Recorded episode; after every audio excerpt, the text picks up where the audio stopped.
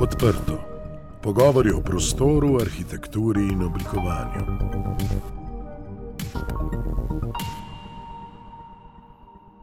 Kakovostni javni prostori omogočajo spostavitev skupnosti in razvoj lokalne identitete posameznih krajev. So dostopni, vključujoči, omogočajo spremembe in spontano rabo različnih interesnih skupin. Pomen kakovostnih javnih prostorov smo še posebej občutili v času epidemije, ko smo se lahko le tam družili s prijatelji in znanci. Društvo Prostorož že več kot petnajst let deluje na področju urejanja javnega prostora. Pri svojih projektih poudarjajo pomen inovativnih pristopov in začasnih urbanih intervencij, ki pripomorejo k raziskovanju novih možnosti za urejanje in izboljšanje javnega prostora. S svojimi aktivnostmi skušajo opolnomočiti lokalno prebivalstvo za sodelovanje v procesih, ki se dogajajo v njihovem domačem okolju. Oživljajo lokalne skupnosti in omogočajo razvoj pozabljenih mestnih prostorov. V svoji praksi naslavljajo aktualna družbena in okoljska vprašanja in se odzivajo na širše prostorske problematike. V današnji oddaji podcasta Odprto se Eva Eržen pogovarjam z arhitektkama Mašo Cvetko in Vesno Skubic iz urbanističnega studia Prostorož.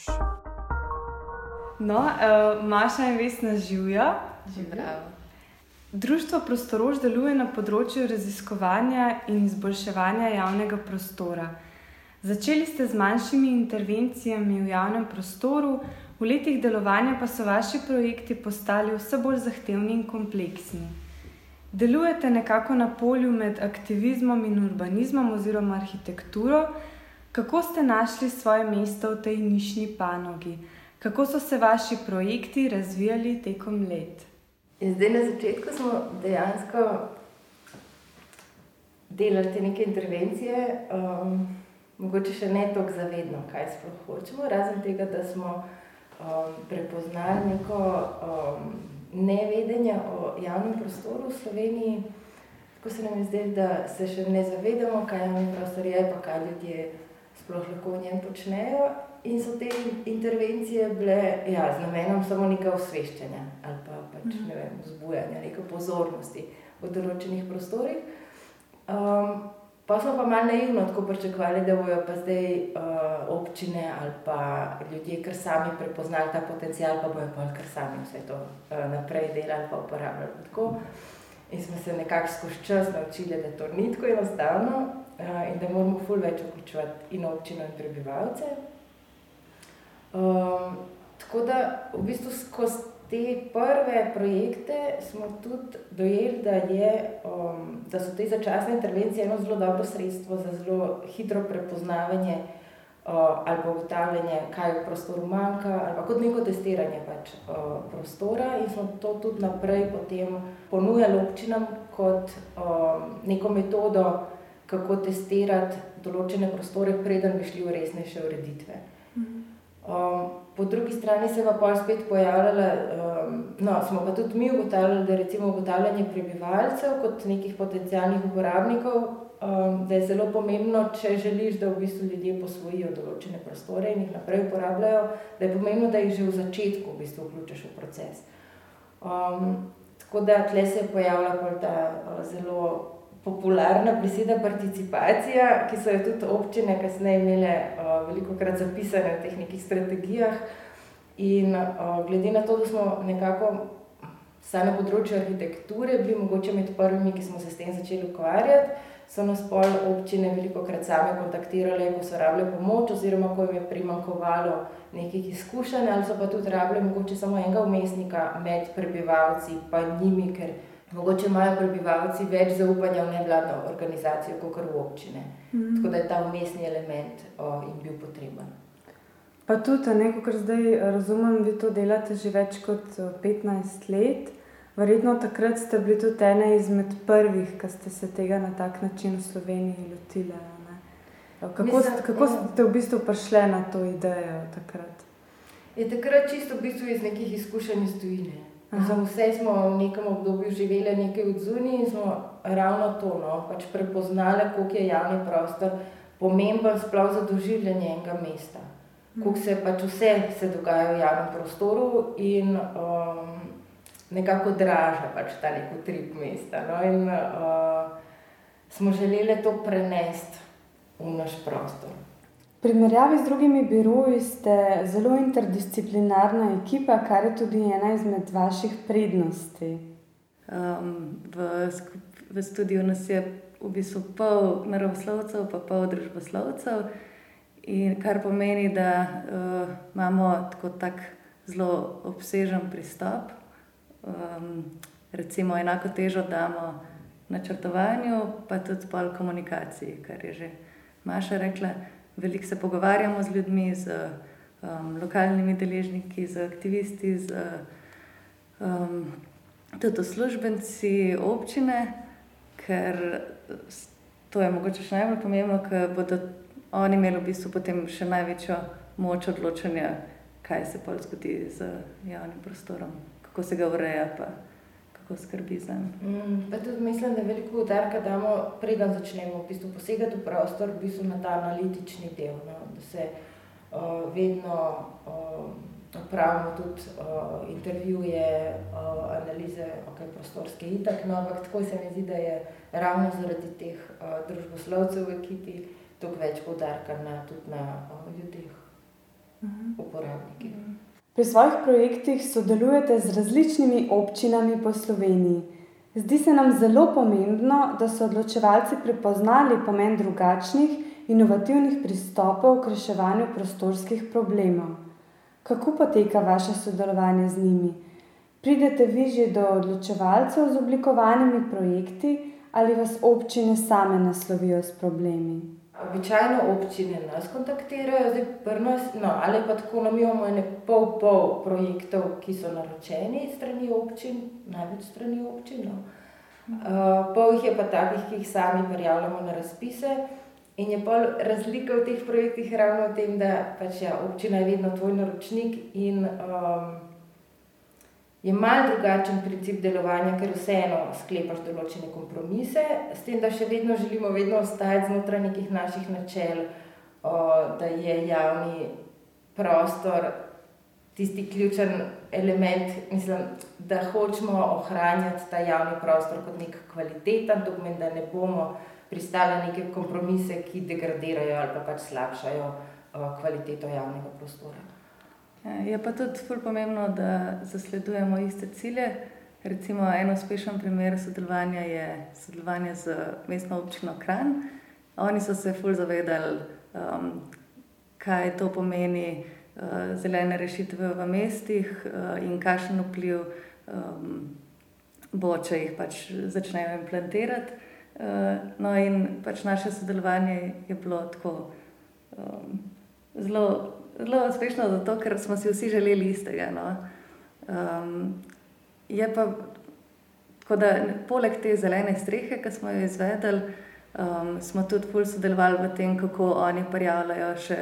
Uh, vem, ozelenitev na druge projekte, uh, za ozelenitev drugih streh, potem kako sploh uh, naslavljati te zelene rešitve v mestih še širše. Recimo v sklopu zelenega, mislim, projekta Zelene strehe, smo jim naredili tudi tak popis um, streh, ki so potencijalne za ozelenitev, in oni pač zdaj to, ta popis, ko se ga želijo držati no, in tudi izpolnjevati. Um, ja, drugače pa zelo. Tako je pač odvisno, na katerem nivoju sodelujemo. Čisto odvisno od posamezne občine. Kažni si recimo želijo samo neko svetovanje strokovno, -huh. uh, drugi nam naročijo vodenje projekta, Um, in pol je seveda tudi uh, ta in komunikacija in uh, pač, uh, te odnosi z občino so veliko bolj intenzivni. No? Tako da je tudi veliko sprotnega, recimo, usklajevanja uh, projekta, glede na pač odzive prebivalcev. Ja, ne ja. zgleda tako, da smo v bistvu ful veliko na telefonih. Ker skozi uh, se pogovarjamo o tem, kako še nadgraditi projekt, kako ga voditi.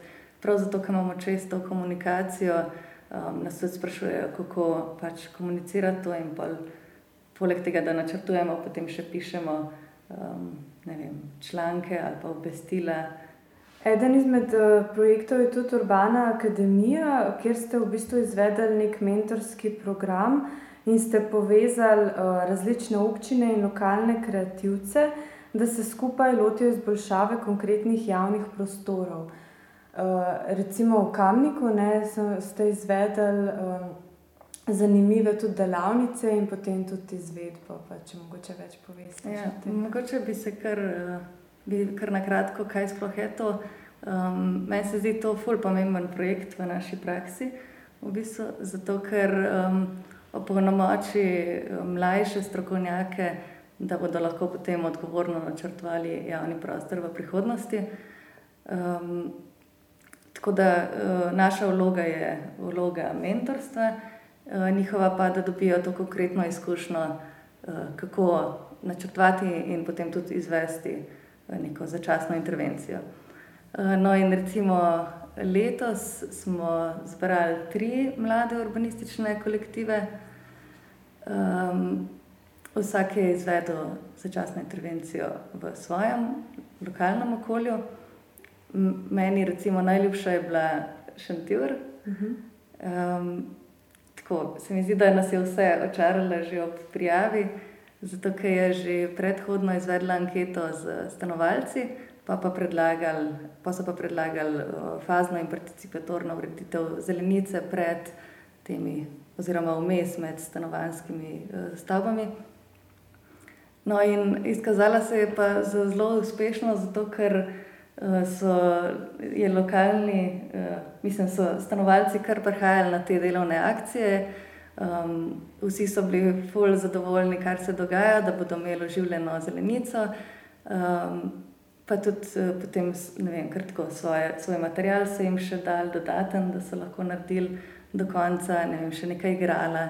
Um, kot tudi občina je bila zelo naklonjena temu projektu. No. Um, podprla je projekt še z dodatnimi sredstvi in uh, pač tako podprla, da se ta, to območje še bolj razvija, kot je. Ja, uh, v resnici to je še malo neuradno, no, ampak uh, si pa želimo, da bi naslednje leto izvedeli tudi tretje, uh, tretjo urbano akademijo, ampak v rahlo drugačni obliki in sicer v obliki petdnevne intenzivne delavnice. Uh, mislim, da se bo izvedla poleti, namenjena bo pa prav tako uh, pač mlajšim kreativcem. Uh, Zgledalo bo pa tako, da bomo analizirali območje bivše tovarne Smodnika v Kamniku, uh, v bistvu podobno, mislim, isto območje, kot je bilo že pri prvi urbani akademiji, samo da se tokrat razširjamo v globino uh, tega območja. Um, ja, tako da po tej analizi bomo pa izvedli um, začasno intervencijo, ki bo ustrezala, uh, dogna, kar bomo dognali. Delujete na projektih, kjer z začasnimi rabami in urbanimi intervencijami spodbujate participacijo lokalnega prebivalstva in krepite eh, tudi lokalne skupnosti. Katere prakse so se izkazale za najbolj uspešne? Sigurno je eden izmed mogoče bolj uspešnih praks ali pa projektov bila Idrija. Um, mogoče je marsikdo pozna ta projekt, ki smo poslikali cesto, ampak to je bil v bistvu še v bistvu zaključek uh, tako večletnega delovanja v Idriji. Začeli smo že uh, 2017 in to je izgledalo tako, da smo obravnavali uh, območje okoli doma upokojencev naredili, zgledali tako, da smo izvajali urbanistične delavnice, se pogovarjali z ljudmi, imeli sestanke, izvajali ankete. In potem tudi takrat, 2017, izvedli začasne intervencije v obliki klopi in uh, dreves, ki so označevali prostore, kjer se lahko ljudje zdržujejo, zato ker v tem območju predvsem primankuje um, pač prostora za druženje, zunanjega prostora. Uh, no, in potem se je tudi naredila prometna politika. No, in zadnji sklep je bil uh, pri tem projektu lansko leto, da um, tam tečeta dve usporedni cesti, ki imata v bistvu enakovreden namen. In po teh strokovnih podlagah smo uh, se odločili, mislim, so pokazali, da lahko en del kar zapremo začasno. Uh, No, in to je tudi ta del, ki smo ga poslikali in gor dal um, klopi in drevesa, v koritih. No, in kaj smo pridobili, smo, mislim, da tako 600 kvadratov novega uporabnega prostora za pešce. In to je bilo tako, ful, dragoceno, že zato, ker v domu za upokojence nimajo nikamor zaiti. Mislim, res njim, oni so v bistvu ta najšipkejši člen, ki res nima kam iti. In prav ta trg jim je omogočil to, da so zdaj lahko blizu. Zelo uspešen projekt je tudi projekt Zunaj v Ljubljani, ki spodbuja prebivalce k rabi in skrbi za odprte zelene prostore v njihovi bližini. Zunaj je bil v bistvu ja, en projekt, ki smo ga zasnovali skupaj z uh, Inštitutom za politike prostora pa mestno občino Ljubljana, ki je bil razpis za namenjen prebivalcem oziroma krepitvi povezovanja prebivalcev z namenom, da si ustvarjajo neke nove prostore ali pa da si urejajo prostore, kjer se družijo, tako da so dobili neko finančno podporo. No, ki mi je omogočala predvsem nakup nekih materijalov. Ja, in se mi zdi, da je iz tega izhajalo tudi precej uspešnih teh malih projektov, kjer so se um, lokalci res močno povezali med sabo. Mm -hmm. ja. Meni se zdi najboljši projekt v Sneberjah. Sneberjih. Kaj so, so pa? Uh, pač tam je v bistvu, ne vem, sta dve večji ulici zraven tega zelenega pasu, ki so ga hoteli spremeniti v Pump Park, mislim v Kolopark, uh mhm. -huh. Pump Track. No, in to je izgledalo tako, da je bil en pobudnik, in ne glede na to, da so imeli samo, mislim, da 800 evrov finančne spodbude z, naše strani, so oni sami, cela ta lokalna skupnost je zbrala še ne vem, koliko, mogoče še dvakrat več, um, da so ta. Um, kolopark fulustrezno načrtovali, prav z uh mhm. -huh. strokovnjaki, in potem še vsi skupaj izvedeli. Uh mhm. -huh. In to je izgledalo tako, dva vikenda zapored, da so vsi otroci, vsi starši, starejši so kuhali, mlajši so, najmlajši so se tam igrali, ampak vsi so delali. In tako no. od upravljanja z tako težko mehanizacijo do pač upravljanja lopati. Mm. No, ampak tako, meni je bilo bolj mhm. simpatično, ker so res, po mojem, bili vsi tam, tako to je bila gneča, je bila tam. Mhm. No, in še vedno je to ful uspešen, um, mislim, ful mhm. uporabljen park, ki ga tudi, mislim, da iz za dobrove prihajajo se tja furat uh, za kolesi. Ja, recimo pred kratkim ste tudi v Sulkanu na trgu Marka Plenčiča začasno postavili kiosk Mobilet, ki deluje kot pospeševalnik javnega življenja uh, in nudi nekako lokalnim prebivalcem nov prostor za druženje in dogodke. Uh, zdaj, testno obdobje ureditve se počasi zaključuje, pa me zanima, kakšne so kaj ugotovitve ali kaj bo zdaj v prihodnosti se zgodilo, pa recimo, kaj ste tam počeli. Občina je pristopila k nam predvsem zato, da bi ji pomagali oživiti trg Marka Plenčiča uh, za neko začasno intervencijo. Ampak že takoj smo spoznali, da v bistvu ta trg potrebuje veliko več. Um, zato smo se odločili, da razširimo nalogo in uh, pač naredimo prometno ureditev, ki potem pač predvideva prostor, ki je lahko namenjen pešč, pest, mislim obiskovalcem. obiskovalcem ne, zato, ker zdaj je taka situacija, da je trg čist zaparkiran in smo v bistvu s prometno ureditvijo mogli sprostiti del prostora.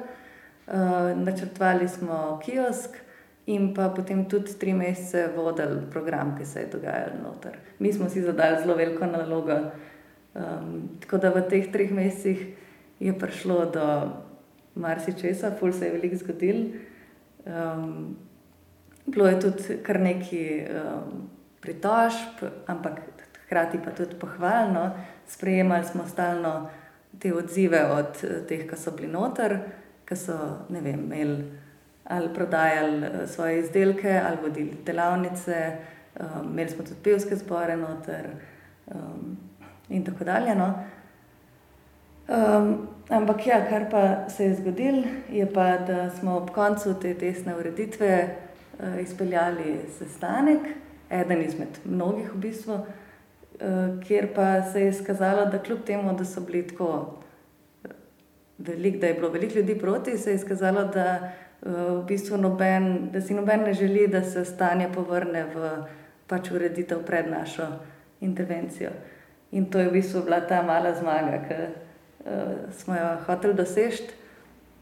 Uh, tako da urejali se bo verjetno v tem smislu, ampak. Uh, no, ja, kot nek sklep se je, mislim, pač te izkušnje so pokazale, da je dejansko ta prostor pred crkvijo, ker sta dve taki ogromni lipi in ponujata dejansko edino senco v Sovkanu, no, na tem trgu v Sovkanu, ki je v poletnem času uh, tako res potrebna um, da je mogoče ta del trga tak najbolj kvaliteten in da ga je vredno ohranjati kot prostor za druženje. Preostali del pa, dokler ne bo neke pač resnejšega namena ureditve, no, da ne ostane parkirišče, zaradi tega, ker so tudi dejansko potrebe prebivalcev v tem delu zelo velike po parkiranju. Uh, so tudi neke navade, seveda, ki jih ljudje imajo, In dokler ne bo delana pač neka resnejša prometna politika za celotno območje Sovkana, uh, smo ugotovili, da, ni, da nekako nima smisla um, uvajati neke večje prometne spremembe. Um, tako da to ostaja. No, sklep je bil dejansko večinski, da naj trg ostaja um, namenjen, miren trg z občasnimi dogodki, no, tako so si želeli da je še vedno ta državni prostor, ki omogoča potem občasne dogodke. Glede samega kioska je bilo pa tako, da najbolj popularen program je bil nek bar, lokalni, ki je predstavljal tudi lokalne vina, hrano. Mhm. In je bil seveda najbolj obiskovan, po drugi strani pa tudi najbolj moteč za lokalno prebivalstvo, ker se je.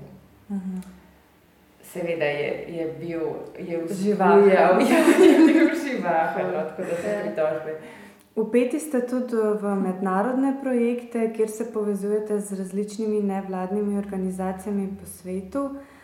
Um, najbrž pride tudi med sodelovanjem do izmenjave izkušenj in praks.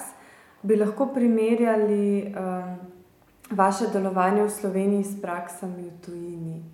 Mogoče smo najbolj v navezi z um, Dunajem, um, po eni strani tudi zato, ker je Alenka nekaj časa delala tam in vzpostavila um, določene kontakte in um, veze, ki jih še vedno vzdržujemo. Um, po drugi strani tudi zato, ker se tudi mesto Ljubljana doskrat uh, želi primerjati z Dunajem, pa dejansko smo vsi nekako mogoče najbližji po, uh, po sami klimi ali pa um, obsegu mesta. Um, Tako da z njimi, recimo, uh, da oskrat pridejo študenti, uh, sem pa jih mi peljemo krok ali pa gremo mi na strokovne ekskurzije. Tja, naprimer, občino Idrija, ko smo imeli projekt, uh, smo celo občino, mislim, celo občino, pač ja, del občine peljali tja na ogled uh, kot nek primer dobre prakse. Kaj pa recimo mislite, da tako nasplošno v slovenski praksi, recimo urbanistični ali pa oblikovanje prostora manjka? Pa recimo, kaj bi bile pa prednosti, če, mm. če jih mogoče vidite? Ja, manjka nam, to smo se pogovarjali, no, da dejansko ja, manjka nekih um, povezovanj ali pa nekih strategij ali pa dolgoročnih vizij. No, mogoče tudi na tem nivoju, da um, smo mi recimo se ukvarjamo zelo veliko s prakso. Uh, Medtem ko nimamo uh, tega nekega akadem, akademskega zaledja, ali pa recimo uh, raziskovalnega, um, kar je ne vem, v tujini se mi zdi vedno podkrepljeno in z raznimi uh, uh, številkami. Veliki projekti, ki jih delate, se tudi ukvarjajo z zelo nekimi aktualnimi tematikami, kot so naprimer soočanje s podnebnimi spremembami in blaženje njihovih vplivov. Uh, Uh, en izmed teh so, kot ste že omenili, tudi ta ozelenitev, testna ozelenitev uh, strehe šole, uh, osnovne šole Staneta Žagarja v Kranju. Drugi je bil pa tudi, naprimer, kartiranje vročih točk v Ljubljani. Um, se še s kakšnimi takimi projekti zdaj ali pa jih planirate, pa mogoče, če malo vroče točke še predstavite. Uh -huh. uh, ja, zdi se nam, da načrtovanje odpornejših mest za podnebne spremembe, da je vse bolj aktualna tematika, že kar nekaj časa, pa tudi še nekaj časa bo. Um, tako da se nam zdi fulj pomembno, da naslavljamo te teme. Uh, tako da to so tudi teme, ki se jih z zadnjimi razpisi, uh, s katerimi se pač ukvarjamo. Uh, recimo vroče točke, pa mogoče nekaj še povem o tem. Uh, to je bil v bistvu en tak, um, taka čisto lajična raziskava. Mi smo naredili uh, zemljevid, kjer je interaktiven zemljevid, kamor so lahko uh, posamezniki označili, kje jim je najbolj vroče v Ljubljani. In odziv je bil v bistvu nad našimi pričakovanji. Označenih je bilo 700 točk. In kar je zanimivo, je, da smo dali te točke čez um, študijo, uh, torej to strokovno podlago uh, študijo teh um, pregretih otokov, ki so bili pač s satelitsko sliko um, pač narejeni, uh, so se te točke prekrivale kar je pomenilo, da pač so torej študije podobne zaznavam uh, ljudem. No, in uh, ja, potem smo pripravili tudi neke uh, ukrepe za te mikrolokacije. Um, to je bilo bolj tako, ki je delati na tem, da se več sence naredi, mm. več zelenja, mogoče še en vodni vir. Um, in tako naprej. No? Ampak dejstvo pa je, da uh, se je tudi rešitev v tem, da se mikrolokacije izboljšuje, ampak največja rešitev bi pa bila, če bi se um, ohladili največje pregrete otoke in to so pa BTC um, in druga pač ta industrijska območja. Recimo. Ampak um, ja, ljudje mogoče ne zaznavajo tok teh vročih otokov, zato ker pridejo tja z avtomobilom. No, mogoče še za konec. Um, Kaj bi pa svetovali vsem, ki morda niso arhitekti, urbanisti, pa se ne ukvarjajo tako profesionalno s prostorom, ampak ki si želijo svoje bližnje javne prostore uh, mogoče spremeniti na bolje? Ja, ja. ne, v bistvu, uh, pri tem vprašanju bi jaz se mogoče navezala na posvet Hladno mesto za vroč planet. Um, in sicer na vprašanje, ki ga je zastavil Martin Wallinger in se nanaša na um, ohranitev zelenice Šišanske sosedske šest. Um, pač tam so prisotni neki investitorji, ki si želijo to zelenico pozidati. In on je ja, vprašal na tistem posvetu uh, stroko, strokovnjake oziroma prostorske načrtovalce, kaj lahko naredijo kot inicijativa. In v bistvu vsi odgovori so bili tako še kar pesimistični, uh, in da pač v bistvu težko inicijative prevzamejo vso to odgovornost. Eh, Polje pa še to, da, da je Ljubljana že itak sprejela sklep, da se lahko del že um, spremeni, delo te zelenice že spremeni namenska raba. Um, tako da v bistvu v tem primeru je tako še kar. Um, brezizhodna situacija. Ampak kar se mi je zdelo, pa tako, da so si bili vsi enotni v odgovorih, je pa, da, mora, da bi mogla stroka prevzeti to odgovornost, no? da bi se mogli fulbol pogovarjati o tem, ne pa šele govoriti o teh problemih na javnih razpravah, ker takrat je potem že prepozno. Mm. Tako da mogoče je ja, odgovor ta, da um, so inicijative dobrodošle. Um, ampak da mora pa stroka to prevzeti no, za neke take večje stvari. Uh, sicer pa ne vem, jaz bi svetovala, da naj ljudje čim več in na najbolj različne načine uporabljajo javni prostor. Uh, ker Ja, ja ne, se to mogoče samo tako, da, da se zavedaš, da si sam tudi odgovoren za svoje dejanja, ki jih v mestu delaš. Pomeni, da ne boš kritiziral, kako je v Ljubljani slab zrak, po, svoje, po drugi strani se boš pa ne vem, z avtom vozil v službo, ki bi prej bil peš. Pa, mislim, nekaj take čist osnovne stvari, no? mogoče samo da premislimo tudi, kaj sami počnemo. Mm, da nekako smo bolj odgovorni. Ja. Mm. Mm. No, hvala vam za pogovor, pa še veliko uspešnih projektov v prihodnosti. Hvala. Hvala. Poslušali ste podcast Odprto, prvi slovenski podcast o arhitekturi, ki ga je pripravila ekipa OHS. Za akustično ugodje je skrbel studio Sonolab. Odprte hiše Slovenije se zauzemajo za dobro arhitekturo, ki je namenjena vsem ljudem. Prisluhnite nam vsakič, ko boste o prostoru želeli izvedeti več. Da smo lahko odprto spregovorili o prostoru, nam je svojo podporo omogočilo Ministrstvo za okolje in prostor.